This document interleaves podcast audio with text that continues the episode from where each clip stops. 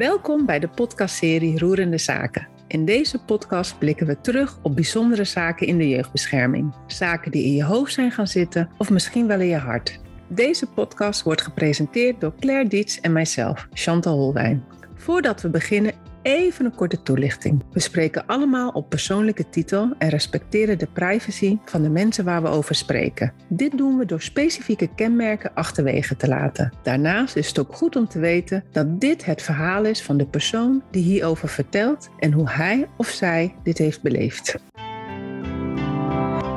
Vandaag neemt Ineke Hartman ons mee in haar roerende zaak. Ineke is jeugdbeschermer en zal in haar werk zeker heel veel roerende zaken tegenkomen. Maar vandaag gaan we één specifieke zaak met haar bespreken. Ineke, van harte welkom. Dankjewel. Ja, Ineke, toen ik jou vroeg naar roerende zaak, toen kwam jij ook al vrij snel uh, met een gebeurtenis. Ik ben wel heel benieuwd. En we gaan het gewoon even beginnen met uh, om de zaak wat te omschrijven. Kan jij vertellen hoe jij betrokken bent geraakt bij deze zaak? Ja, ik werd inderdaad wel direct enthousiast uh, toen je dat vroeg. En uh, schoten wel specifieke zaken direct in mijn hoofd. maar de zaak die ik uiteindelijk eruit gekozen heb, um, ja, daar ben ik in betrokken geraakt. Dat was een ondertoezichtstelling ehm, bij ons bij jeugdbescherming. En die heb ik overgenomen van een collega die een andere baan kreeg. En ik, um, ja, op die manier ben ik daarbij bij betrokken geraakt. Het was al een lopende ondertoezichtstelling, was al heel veel geprobeerd. En op dat punt uh, kwam ik in de casus uh, terecht. En was je toen al een heel ervaren jeugdbeschermer? Voor je gevoel, zeg maar? Ja, ik heb er vandaag over nagedacht ook. En ik, ik, um, ik, ik, weet nog dat ik toen dacht van... Nou, ik, toen had ik zes jaar ervaring. Toen dacht ik, nou, ik denk dat ik dat wel uh, prima kan. Het was een wat pittigere zaak. En um, ik vond mezelf toen redelijk ervaren. En nu ik er achteraf op terugkijk, zie ik het wel anders. Ja. Oké, okay, dat is interessant. Hey, en je ja. zei, dit is wel een pittige zaak. Daarom was die misschien ook interessant voor jou. Kan je kort ja. vertellen, wat was, dan, wat was er zo pittig aan? Ja, het, uh, uh, het betrof een, uh, een complexe scheiding. En dat was eigenlijk mijn eerste ook echt lastige complexe scheiding. We hebben wel vaker te maken met uh, scheidingszaken. Maar vaak waren het ook gewoon twee ouders die op twee verschillende plekken woonden. En de kinderen die heen en weer gingen en waar allemaal wel gedoe was. Maar dat was het dan ook, zeg maar. En dit was echt strijd. En daar speelden veel zorgen die over en weer werden genoemd. Ik was de jeugdbeschermer van een tweeling van toen tien jaar.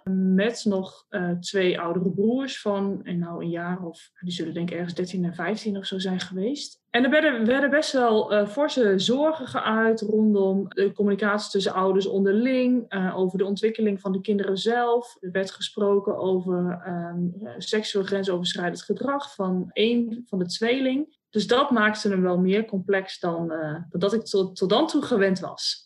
En Ineke, als je zegt, hè, want we zitten hier bij roerende zaken. Wat in deze situatie heeft gemaakt dat het jou geroerd heeft? Wat precies? Ik denk uh, dat daar uh, de leeftijd van deze kinderen heel erg in mee is gespeeld. Ze waren tien, het was een tweeling en het waren echt hele leuke, lieve kinderen. En uh, je zag altijd er heel goed eraan af dat ze last hadden van de situatie voelde me altijd heel betrokken bij ze. Ik kon, prima een middagje meenemen en even iets leuks met ze gaan, uh, gaan doen, bijvoorbeeld. Ze konden best goed in contact staan met mij. Dus ik heb me daar wel heel erg aan verbonden uh, gevoeld, denk ik. En dat heeft daar wel uh, aan bijgedragen. Ik denk dat het, dat een van de casussen is waarin ik uh, is geweest, waarin ik voor, um, ah, voor het eerst ook mezelf heel erg bewust werd van, van mijn eigen handelen en, en wat, ik, wat ik zelf doe, hoe je jezelf ook als mens inzet in het werk, zeg maar, hè, wat je doet. Wat dat ook weer met mij deed natuurlijk. En dat heeft in die zaak wel, uh, ja, dat heeft echt wel verschillende dingen met mij gedaan, ja, op heel verschillende vlakken dan maak je ons heel nieuwsgierig, hè? want je zegt het waren ja. hele leuke, lieve kindertjes. Nou ja, daar hebben we denk ik een caseload vol van. Dus wat dan specifiek en wat dan heb je zo over jezelf geleerd? Ik heb over mezelf geleerd dat ik, mij, dat ik me ook echt helemaal kan geven in een casus. En ook in het contact met kinderen en ouders. En dat ik het ontzettend zorgvuldig te werk ga dan daarin. Zeker in een complexe scheiding zoals dat was, met die zorgen die speelden. En dat vond ik toen heel erg zoeken. Maar ik heb ook over mezelf geleerd dat ik de zorgvuldigheid die ik liet zien en, en de tijd dan voor de afwegingen die we moesten maken, de hele uitgebreide gesprek met gedragswetenschappen die ik daarover had. Ik heb toen in die kaas wel heel beseft van ja, dat is wel wie ik ben in dit werk. Ja. En heeft dat jou dan geroerd? Want daar ben ik nog heel even naar op zoek. Nou, dat denk ik niet. Want uh, wat mij denk nog het meest geroerd heeft, is dat ik het uiteindelijk voor deze kinderen, we best heftige besluiten moeten nemen. Maar ik heb niet, uiteindelijk niet het gevoel uh, gehad dat, dat ik ook altijd echt het beste voor ze heb kunnen doen.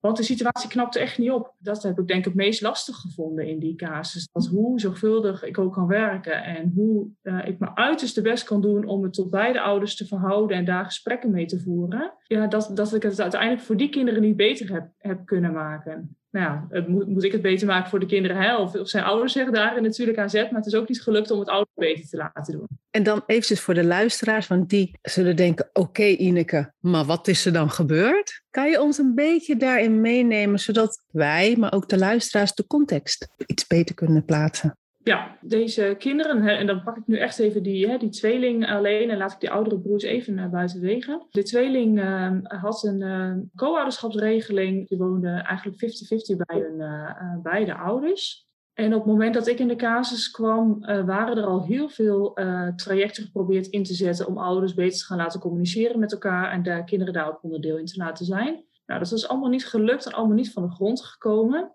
Er speelde, um, naar eigen zeggen, trauma bij vader. En uh, moeder gaf eigenlijk altijd aan van ja, nou, ik zie niet zoveel zorgen en het gaat eigenlijk wel goed. En ja, ik heb geen last van de niet zoveel last van de situatie. Nou, het ligt altijd ergens anders aan. We keken een tijdje mee. Die co-ouderschapsregeling, ja, die bleef. En we zagen dat het eigenlijk wel moeizamer gaan. De kinderen vonden de wissel steeds moeilijker gaan worden. En op een gegeven moment werden de zorgen over de, de, nou de emotionele ontwikkeling, vooral van de beide kinderen, werden wel steeds groter. En vooral bij, bij de jongetjes speelde dat hij seksueel grensoverschrijdend gedrag liet zien. En daar konden wij uiteindelijk met moeder niet goed over in gesprek. Ik heb dat samen gedaan uh, met, een, uh, met een zorgaanbieder die al betrokken was. Hebben we daar gesprekken over. En we merkten dat ze zich er niet in herkenden. En dat kan. Maar vervolgens konden we daar dus ook niet goed het gesprek over voeren. Wat het dus, ook al herken je het zelf niet, maar wat het wel voor je kind zou kunnen betekenen. Hè?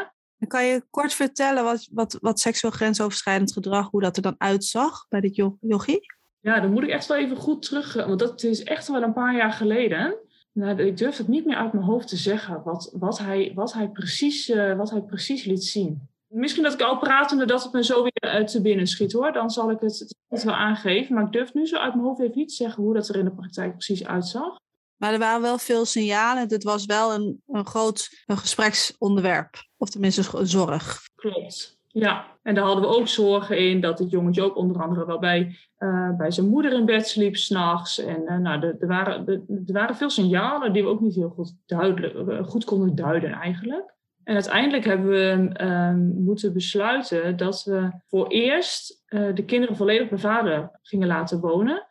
En het contact met moeder volgens een, een, nou, eigenlijk wel normale weekendregeling te laten vorm te geven dat is ook het moment dat we eigenlijk moeder helemaal zijn, nou, zijn kwijtgeraakt, maar het werd nog moeilijker om samen te werken. Mm-hmm. Dat is wel vooral de, de, nou, de context eigenlijk.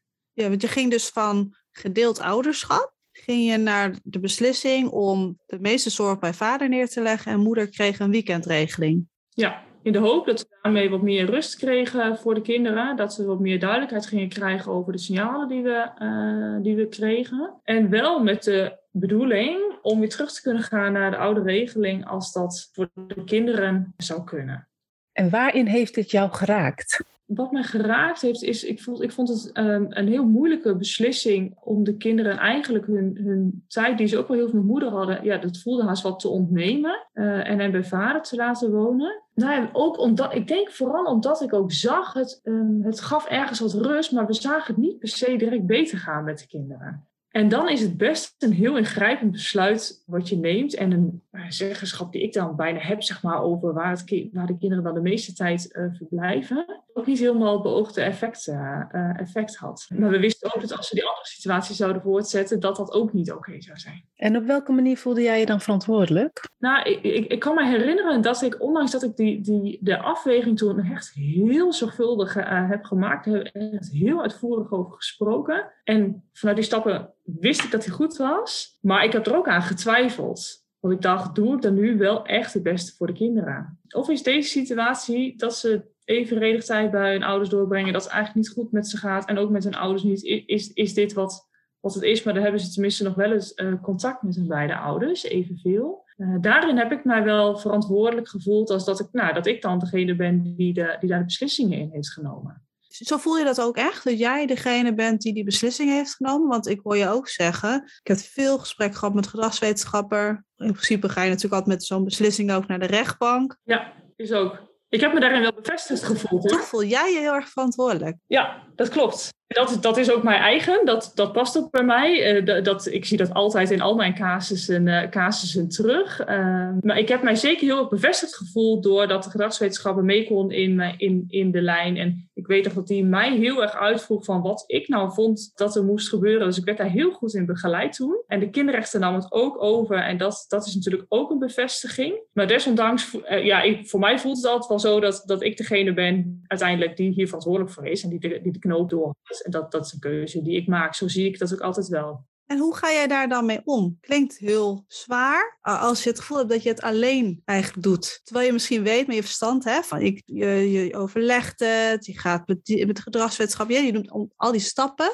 Maar jij voelt het als jouw verantwoordelijkheid, jouw keuze. Hoe ga je daar dan mee om? Want je hebt niet één gezin of één kind waar je dan verantwoordelijk voor voelt. Nee, ik voel hem niet als alleen, zeg maar. Dat niet. Oké. Maar wel zelf. Ja, wat, wat voor mij heel goed werkt is, nou, wat ik net al zei, is heel zorgvuldig die beslissingen nemen. Ik heb het echt nodig, want ik, moet, ik moet hem kunnen voelen. Als ik hem niet kan voelen, kan ik de beslissing echt niet nemen. Ik heb het dus ook nodig dat mijn gedragswetenschappen daar ook in, in mee kan, zeg maar. Ik vind het heel prettig als die bij mij bemerkt van, hé hey, Ineke, is die nu voor jou oké? Ben jij daar waar je wil zijn, zeg maar? Dan is het goed. Dus dat helpt mij heel erg. En, en ik denk ook, ja, weet je, het vele contact met de collega's en, ehm, eh, en dat, dat delen, dat, dat is voor mij ook wel een heel, heel belangrijk onderdeel, ja. En tegelijk ook wel, um, en dat, dat probeer ik altijd echt wel zoveel mogelijk te doen in de contacten, ook met de ouders die ik heb. Ook daar wel, nou ik probeer daarin ook echt altijd wel een stukje van mezelf te laten zien. Van dat het dus ook echt niet makkelijk is en uh, dat het ook niet beslissingen zijn die we licht nemen. Hoeveel jaar ben je jeugdbeschermer? Ruim 12, 12 en half onlangs, ja. Oh, jubileum.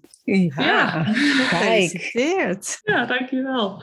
In hoeverre verschilt deze situatie met alle andere gezinnen die je begeleid hebt? Ik denk de, dat, dat het te maken heeft met, met de, intensiteit zeg maar, van, van de problematiek en van, van um, wat de, de gesprekken die ik voerde in deze, met deze mensen met mij, uh, met me deed. De gedachten die ik er altijd over had, uh, het, het eindeloos blijven sparren over, over deze casus zeg maar, met, met collega's en met gedragswetenschappen.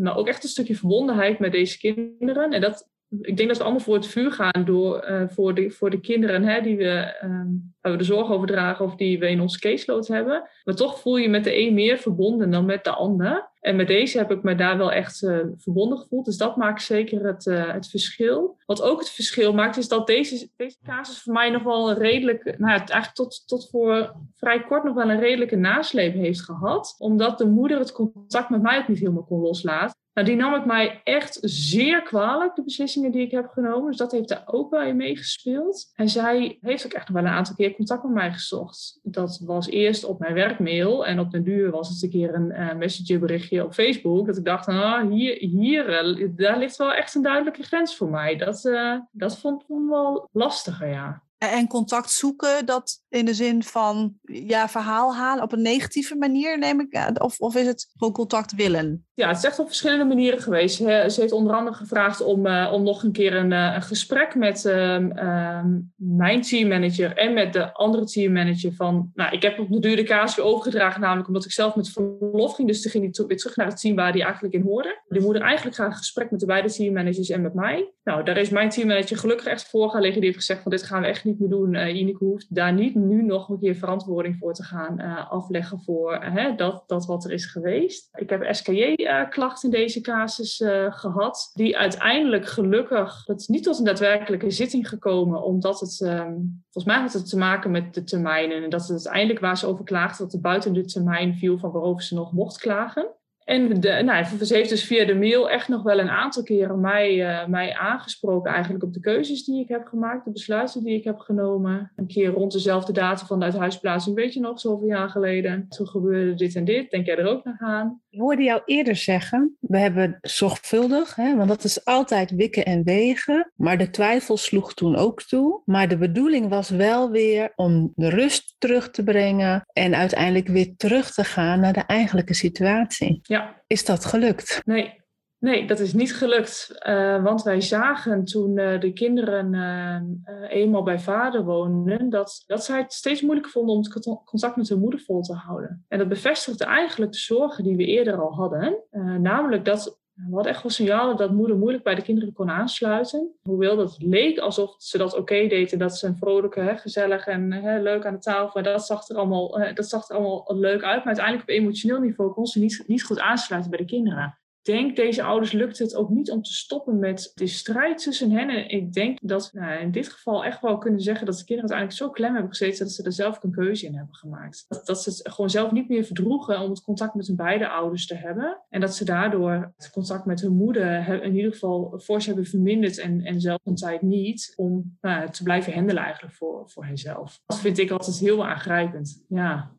En hoe ben jij van betekenis geweest voor deze kinderen? Ja, ik denk door er steeds te zijn. Ik heb best wel veel contact met ze gehad. We hadden gesprekjes. Ik zocht ze op school op, maar we konden ook gewoon even buiten voetballen of een spelletje doen. En ik probeerde altijd zo goed mogelijk hun vragen uh, uh, te beantwoorden. Nou, misschien juist omdat het contact wel heel, heel wisselend was. Als in we deden, we verschillende dingen. We hadden, we hadden en echte gesprekjes die nodig waren, maar, maar we hadden ook wat meer ongedwongen contact of we gingen ergens een ijsje eten. Ik denk dat ik er op die manier wel, wel ben geweest ja. Daar kijk ik ook echt goed op terug. Daar heb ik geen enkele twijfel over. Nee. Jij zei helemaal in het begin ook van in deze zaak ben ik voor mezelf in mezelf tegengekomen dat ik heb gemerkt ik ben heel betrokken geweest, heel zorgzaam, alles goed afgewogen. Hoe verschilt dat met de betrokkenheid, uh, zorgvuldigheid zeg maar in andere zaken?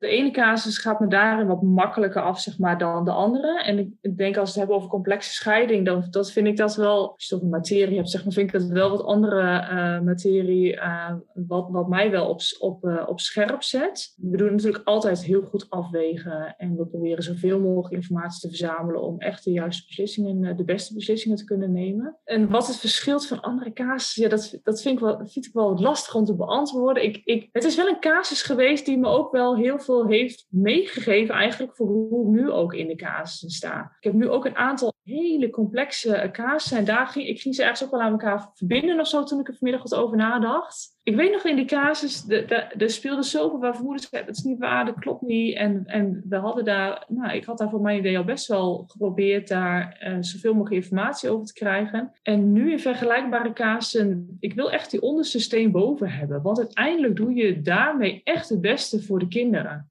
Is dat iets wat deze zaak jou heeft gebracht? Ja, dat denk ik wel. Dat is zeker een belangrijke geweest in, in, in, in een, nou ja, eigenlijk een groeiproces, omdat ik daar zelf in heb doorgemaakt. Ja. En wat had het voor deze kinderen betekend als je de onderste steen boven had gehaald? Dat is natuurlijk lastig zeggen, want ik weet niet of ik dan per se andere informatie had gekregen. Maar ik kan me herinneren dat we in, in, in, rondom deze kinderen ook wel, weet je, er is al zoveel hulpverlening geweest en er is al zoveel informatie dat we ook op een gegeven moment hebben gezegd van het stopt ergens om nog verder te kunnen onderzoeken hoe en of we nogal meer informatie kunnen gaan krijgen. En, en nu denk ik wel eens van, denk nou misschien als ik nu deze die casus nog een keer opnieuw had gedaan, zou moeten doen, dan zou ik misschien toch nog wel meer proberen buiten, uh, buiten de kaders te denken en toch nog weer um, uh, al eerder betrokken instanties bijvoorbeeld nog eens benaderen om mijn eigen vragen te kunnen stellen. Van wat is er nou precies geweest? Wat is er gebeurd? Wat is er gedaan? Het feitenonderzoek komt dan, komt dan bij mij op. Ik denk dat dat is wel iets waar ik de laatste tijd wel veel bewuster mee bezig ben. Op een andere manier dan eerder. Hoe kijk je aan tegen feitenonderzoek? Wat is dat voor jou? We doen het, dat natuurlijk sowieso omdat we altijd proberen zoveel mogelijk informatie naast elkaar te leggen. Hè. De, we, we, praten met ouders, we praten met kinderen, met betrokken instanties. Um, en dat leggen, we allemaal, uh, dat leggen we allemaal naast elkaar, die informatie. Wat ik daar ook een belangrijk in vind, is om bijvoorbeeld soms eens iets in te zetten om nog meer informatie te krijgen. Onlangs heb ik in een casus een, uh, een medische dossieranalyse laten doen. Omdat we, dat, dat hebben we echt bewust ingezet, omdat we, we, we ons zorgen om, we willen gewoon heel graag dingen duidelijker hebben. Uh, we hadden ook kunnen volstaan met, ja, we zien zien dat deze moeder vaak naar de huisarts gaat en daar maken we ons zorgen over. Uh, maar we hebben daarin wel verder gekeken, want, want we, we, we, willen er de conclusie aan verbinden. Dat vind ik een hele belangrijke in feitonderzoek. Eigenlijk doen we dat natuurlijk al, want we zoeken zoveel mogelijk uit. Uh, maar ik vind het ook belangrijk dat we daar de conclusies aan durven verbinden. Dit is wat we zien en, en dit is de kennis die we hebben. En daarom, op basis daarvan denken we daarom dat dit aan de hand is. En hoe helpt dit dan de kinderen? Hoe zou dit de kinderen beter dienen? Ik denk dat het uiteindelijk ons helpt in de besluitvorming en dat we, dat we daardoor uh, nog betere besluiten voor de kinderen kunnen nemen. Ik denk dat het ons uh, nog scherper of sterker kan maken. Helemaal in het begin zei jij van ja, ik nam deze zaak aan, want ik had, was ik nou, zes jaar jeugdbeschermer, best veel ervaring. Dus je dacht, een pittige zaak, dat, dat ligt me wel. Jij zei het van ja, ik dacht dat ik er voldoende ervaring had. Wat bedoel je daar dan mee? Nou, ik, ik, had natuurlijk al wel die, die zes jaar of zo was het denk ik inderdaad ervaring. Maar ik heb toen in die casus wel gemerkt dat ik heel veel dingen ook gewoon eigenlijk ja, niet wist, wil ik niet per se zeggen. Maar dat ik, het, dat ik het wel heel moeilijk vond om om te gaan met de situatie. Als ik het vergelijk met nu, zou ik denk ik iets beter. Ik was, gewoon, ik was toen gewoon heel gaan zoeken. En ik liet me denk ook wel wat leiden door de dingen die gebeurden en wat er, um, wat er uh, ontstond. En ik denk dat ik nu wel nou, daar misschien nog weer een andere regie in zou durven pakken. En misschien beter een pad uit zou stippelen al van dit is wat ik nu belangrijk vind met al mijn ervaring in zulke soort casussen. Uh, dit is de weg die we gaan bewandelen en op deze manier gaan we het uitzoeken. Toen was die lijn wel op minder duidelijk. En heeft dit alles ook te maken met het feit dat dit zo'n nasleep heeft gehad met een, een, een SKJ-klacht en een moeder die het toch bij tijd en wijle nog blijft opzoeken? Dat maakt wel dat het een casus is die nog steeds uh, die, die ik kan hem heel makkelijk oproepen in mijn hoofd, ja. Nou, en en de, de collega die het toen van mij heeft overgenomen, dat was, de, de, nou, is inmiddels niet meer een collega van mij, maar die, uh, wij hadden ook gewoon heel goed contact met elkaar. Dus we zochten elkaar eigenlijk wel regelmatig even op. En ik wilde eigenlijk altijd wel heel graag iets horen over deze casus. En ik vond het mooi, we voelden daar ook dezelfde connectie in. Ook naar de kinderen. Dus dat, dat is ook wel, vind ik ook altijd wel iets heel goeds. Het heeft, ik kijk niet terug op dat ik het alleen maar vervelend of heel lastig heb gevonden. Nee. En, en hoe ben jij er voor deze ouders geweest? Ja, ik denk eigenlijk wel bijna vergelijkbaar als met de kinderen. Uh, ik, uh, uh, ja, wat bij mij past is dat ik, dat ik er ben en dat ik in gesprek ga en dat ik aan de keukentafel zit. En als dat, als dat twee uren moet zijn, dan moet het twee uren zijn. En ik denk dat ik voor, voor deze vader, nou, daar had ik een ander soort, had ik ander soort gesprekken mee dan met moeder. Met moeder zat ik veel meer in het steeds uitleggen waarom we de dingen doen. En dat, dat was ook haast wat strijd of wat verantwoording of zo. Voelde het soms afleggen. met vader had ik wel wat ander contact daarin. Daar konden we ook gewoon wel, uh, kon ik beter met, met hem over de zorg spreken uh, van de kinderen die we zagen. Maar het was wel een oké contact. Ik was ook wel bij beide ouders uh, welkom en ik mocht er zijn. Want zat jouw begeleiding ook in deze moeder te helpen hoe zij op een andere manier vorm moest geven aan haar moederschap? Hè? Is van 50-50 naar een weekend, hoor ik, hoor ik je zeggen. En eigenlijk het moment dat het deze kinderen niet lukte om tussen deze ouders te laveren en deze moeder hebben moeten laten gaan. Dat heb ik geprobeerd met moeder, maar dat was heel moeilijk, want uh, moeder zat nog zo in haar strijd en weerstand dat ze eigenlijk niet goed van mij kon verdragen dat ik, dat ik haar op dat stukje kon helpen. En je zag, wat we zagen, en daar was ik eigenlijk wel blij mee, toen, toen eenmaal weer daarna was gewisseld omdat ik met verlof ging en er een andere jeugdbeschermer kwam die, uh, die dat overnam, die had een ander contact met moeder. En die had ook niet die beslissingen hoeven nemen. En dat, dat deed me eigenlijk nog wel weer goed, want ik dacht ook, ik vind het wel heel fijn moeder wel het gevoel heeft dat ze, dat ze uh, tot haar recht komt. Dus er ontstond eigenlijk ruimte, hè? dus in die wisseling. Terwijl moeder eigenlijk ook nooit heeft gezegd, ik wil graag een andere gezinsvoogd. Dus dat is wel interessant. Dat heeft ze nooit gezegd? Nee, nee volgens mij uiteindelijk niet. Nee, we hebben nooit een gesprek gehad met dat, dat ze echt heeft verzocht om een andere gezinsvoogd. Hoe kwam die SKJ, of eh, sorry, hoe, hoe kwam die klacht, kwam die bij jou binnen? ik bedoel niet letterlijk hoe kwam die binnen, maar hoe, hoe voelde je daarbij? Nou, het, begon, het was een opeenstapeling, want het begon met eerst eens een bemiddelingsgesprek en toen hadden we een klacht bij de, uh, uh, de klachtencommissie. Die vond ik heel, nou, daar heb ik me echt heel benauwd onder gevoeld. Heel benauwd, wat betekent dat? Hij voelde beladen, zeg maar. Dat, uh, uh, dat was het. En tegelijk, ik, ik ben altijd heel blij dat toch achteraf gezien dat die klacht er is geweest. Want ik heb, we hebben een heel, uh, ik heb me in het klachtgesprek zelf heel oké okay gevoeld. Want ik zag gewoon dat de terechte vragen aan mij werden gesteld en de terechte vragen aan moeder werden gesteld. En ik voelde mezelf niet per se onder vuur liggen of alleen onder vuur liggen. Dus de, dat is voor mij eigenlijk wel een positieve ervaring geweest. Ja, die SKJ, dat vond ik wel, vond dat wel een, een lastige. Maar op dat moment was ik niet meer betrokken in de casus. Ik kwam volgens mij ook echt binnen toen ik alweer terugkwam daarna van, uh, van verlof. Maar het is uiteindelijk met SKJ ook niet tot een zitting gekomen. Dus ik weet nog wel dat ik vrij veel spanning had, heb gevoeld van welke kant gaat het op en uh, oh, wat, wat kan hier nog achter, uh, achterweg gaan komen. Uiteindelijk is het dus niet tot de zitting gekomen. Nee. En heeft dat jou beïnvloed in jouw manier van werken? Zeg maar de klachtencommissie, de, de klacht richting de SKJ?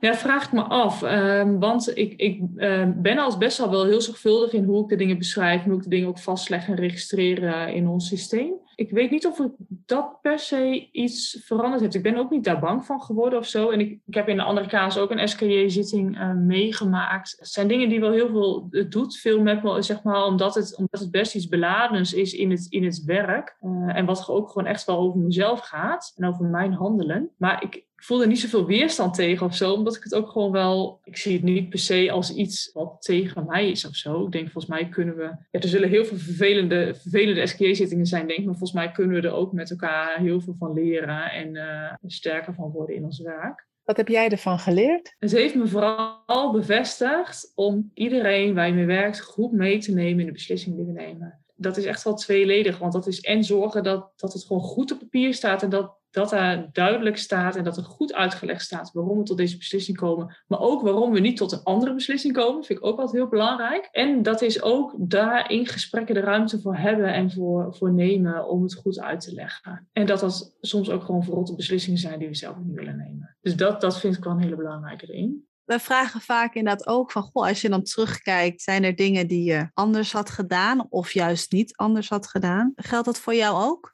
Terugkijkend zou ik me misschien wel naar die moeder uh, wat kwetsbaarder hebben willen opstellen. Het kostte mijn vader geen enkele moeite om te zeggen dat we moeilijke beslissingen namen en dat, het, uh, dat we heel veel zorgen hadden over de kinderen. Maar mijn moeder voelde dat voor mij anders, omdat we heel vaak een gesprek hadden over, dat ging over overtuiging en over, zij vertelde waar zij zich zorgen over maakte, ik vertelde waar ik me zorgen over maakte. En uh, dan, dan ben je elkaar eigenlijk aan het overtuigen en dan ga je niet die diepere laag van hoe het nou eigenlijk voor, voor allebei is. En ik denk dat ik dat beter aan zou durven gaan. Jezelf meer kwetsbaar op zou stellen. Klopt, ja. Oké.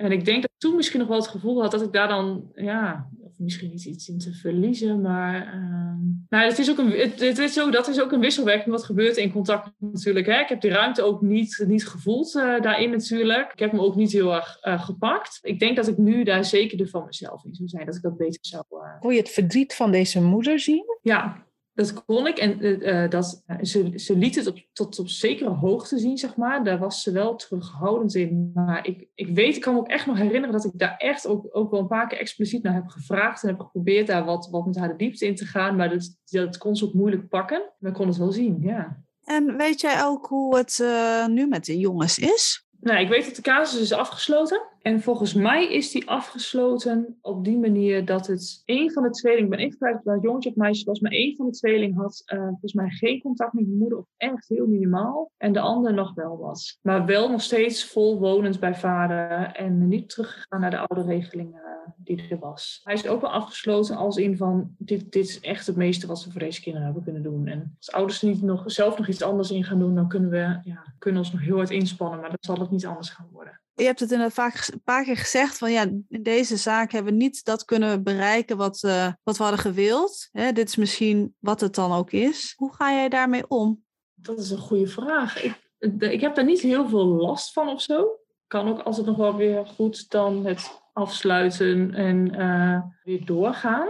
Maar ik vind het wel als heel belangrijk om, om, uh, om, om dat te delen met mijn collega's. En dat, is, dat is wel van grote waarde voor me. Ja. En dat, dat, dat met, met mijn, mijn eigen casuïstiekgroep hebben, een vaste club waarmee we gewoon alle casussen bespreken, tot, tot ook gewoon wel de andere collega's waar je ook gewoon wel connectie mee hebt. En die, uh, de een staat natuurlijk meer na dan de, na dan de ander. Er zijn wel uh, veel collega's uh, voor mij die daar wel zo belangrijk in zijn, dat ik dat fijn vind om met hen te delen. Ja. Het is een leerzame periode voor je geweest, hè? want in het begin zei je ook, je hebt ook heel veel over jezelf geleerd. Je eigen handelen, waarom je doet, wat je doet. Ja, en, en wat heb je daar, daar echt uit gehaald? Ja. Ik vergeet soms gewoon nog wel eens dat het uiteindelijk ook gewoon de ouders zijn die het moeten gaan doen. En dan eh, vraag ik mezelf soms af van had ik verder moeten gaan? Had ik meer moeten doen? Had ik anders moeten doen? Kunnen doen? En dat zijn niet dingen waar ik last van heb, maar dat zijn wel dingen waar ik altijd waar, ik, uh, waar ik veel over nadenk. Maar het zijn ook dingen waar ik graag over nadenk. Want ik geloof er wel heel erg in dat, ik bedoel, ik, ik ben, ja, je bent gewoon, gewoon jezelf, ja, je, je eigen instrument als het ware. Ik uh, geloof wel in dat dat ons uh, helpt in het werk en dat dat ons ook sterker maakt, denk ik. En deel je deze worsteling ook wel eens met ouders? Nou, ik heb er toevallig onlangs heb, ik dat nog uh, vergelijkbaar ingebracht met een, een methodische leerbijeenkomst, een casuïstiek groep. Dat ik het ingewikkeld vond, ook, ook in een casus met een complexe scheiding, dat ik met de ene ouder gewoon wel echt dat contact kon hebben en met de andere ouder niet. En dat ik me dan afvroeg, wat is dat in, dan in mijn handelen, dat dat dan wel of niet lukt. Terwijl, nou, wat, dat is, gaat eigenlijk wat ik net al zei, het is ook een wisselwerking. Hè? Je moet het, dat uiteindelijk samen dan doen in een contact. Dus dat gaat niet alleen over mij. Maar uh, ik ben daar wel eens geneigd om dat op mezelf te betrekken. Ja. Maar ik vind het wel belangrijk om dat te kunnen delen met de ouders. Want ik denk dat we daarin uh, een stukje puurheid kunnen laten zien. En dat we echt niet alleen de professional zijn, maar dat we dit werk als mensen doen. Die net zo goed de dingen kunnen voelen als dat deze ouders ze voelen. Wat levert dat dan op als je dat kan? Ik merk dat ik me dan altijd wel ontspannen ook ga voelen, denk ik, in contact met die ouders. Het levert ook op dat een, een ouder ook durft te zeggen wat hij ingewikkeld vindt. Eh, maar het levert ook op dat, je daar, dat dat er mag zijn en dat je daar gesprek over hebt en dat je soms geen antwoord hebt in plaats van dat het een gesprek is waarin je uitlegt en verantwoordt. En uh, wat complexe scheiding, ja, ik zeg altijd, het woord zegt het ook al, hoe complex het ook is, uh, eigenlijk voor alle betrokkenen, blijft een uitdaging. Wat zou je andere ja, collega's of professionals in het werkveld mee willen geven rondom complexe scheiding? Laten we het daar dan bij houden waar het in ons vermogen ligt om echt heel goed te kijken wat moeten we nog willen inzetten ook voor deze uh, ouders. Er verandert heel veel de laatste tijd daar natuurlijk, uh, natuurlijk in en um, hè, dat zien we natuurlijk ook bij, bij zorgaanbieders waar, waar modules worden aangeboden hè, die er eerder niet waren, bijvoorbeeld rondom het parallel solo-ouderschap. Ik denk dat het gewoon heel belangrijk is dat we gaan kijken wat kunnen we nog verwachten van deze ouders en dat we daar heel goed op aanhaken. Als we maar blijven proberen maar blijven vinden van deze ouders moeten met elkaar weer in gesprek gaan komen. Hè, en die moeten het samen gaan doen voor de kinderen. Dat je het echt niet altijd beter maakt. Is het dus ook accepteren dat dus ouderschap er anders uit kan zien dan wat we misschien van tevoren altijd voor ogen hadden? Co-ouderschap, gezamenlijk, daar altijd op insteken. Hè? En ik hoor jou zeggen, ja, soms is het dus ook juist een acceptatie dat het er anders uit kan zien. Ja, en voor een kind kan het ook goed zijn wanneer de ouders spraken zo goed kunnen vastleggen dat ze eigenlijk niet heel veel meer hoeven te communiceren. Want in die situatie kan dat soms echt de beste zijn. En ik vind het gewoon heel belangrijk. Heel vaak is het in een complexe scheiding zo dat je eigenlijk met de ouder redelijk door een deur kan en met de andere ouder niet. Dat vind ik ook echt onze plicht eigenlijk. Hè? Van we hebben gewoon echt naar beide ouders evenredig ons, uh, ons op te stellen en onze tijd eraan te geven. En hoe ingewikkeld het ook is. Er zijn altijd twee verhalen. En dat heb ik ook wel echt heel sterk geleerd. Er zijn altijd twee verhalen. Wat wil zeggen dat het twee perspectieven zijn. Uh, twee waarheden van hoe de dingen zijn ervaren die er zijn gebeurd. Je hebt altijd met verschillende mensen te maken. Daar moeten we denk ik heel goed open voor hebben. We kunnen het een ouder ook niet altijd kwalijk nemen dat die op een bepaalde manier naar een situatie kijkt. Want dat is hoe diegene dat heeft beleefd. Mooi mij is het heel belangrijk om daarbij aan te sluiten. En dat valt echt lang niet altijd mee, want het is, ik, ik vind het soms echt heel ingewikkeld. Het kan al zo helpen als je vanuit, dat geeft een soort rust of zo, dat je vanuit dat, vanuit dat oogpunt kan, kan werken. Dat dat is wat het is. Ja, dat het dan ook oké is. Ja, en dat we het ook niet moeten willen veranderen, want dat, bedoel, uh, als iemand mij wil overtuigen, dan ga ik ook niet. Uh, ik, ik, snap, nee, snap je? Dus dat, waarom zouden wij dat dan bij ouders doen? Wat me eigenlijk wel een beetje triggerde, is dat je zei, door de klacht was eigenlijk wel ontspannen. Het is niet leuk, maar jij werd bevraagd, de ander werd bevraagd. Je bent zorgvuldig geweest. Vaak horen we dat mensen eigenlijk een soort van paniekaanval bijna krijgen. Wat kan jij collega's, jonge professionals daarin meegeven? Dat je ook mag geloven in jezelf. Dat ook al heeft iets heel anders uitgepakt dan hoe we hadden gedacht dat het zou doen, op dat moment heb je wel altijd het juiste of het beste besluit genomen. En dat kunnen we volgens mij altijd uitleggen. Want ik geloof niet dat we een besluit nemen als we er niet achter staan. Want we hebben dan met zulke ingrijpende dingen te maken, dat ik denk als je met je hart werkt, dan, dan kan dat volgens mij niet. Dan kun je volgens mij niet besluiten nemen waar je niet achter staat. Nou, daarin mag je dus geloven in jezelf, denk ik.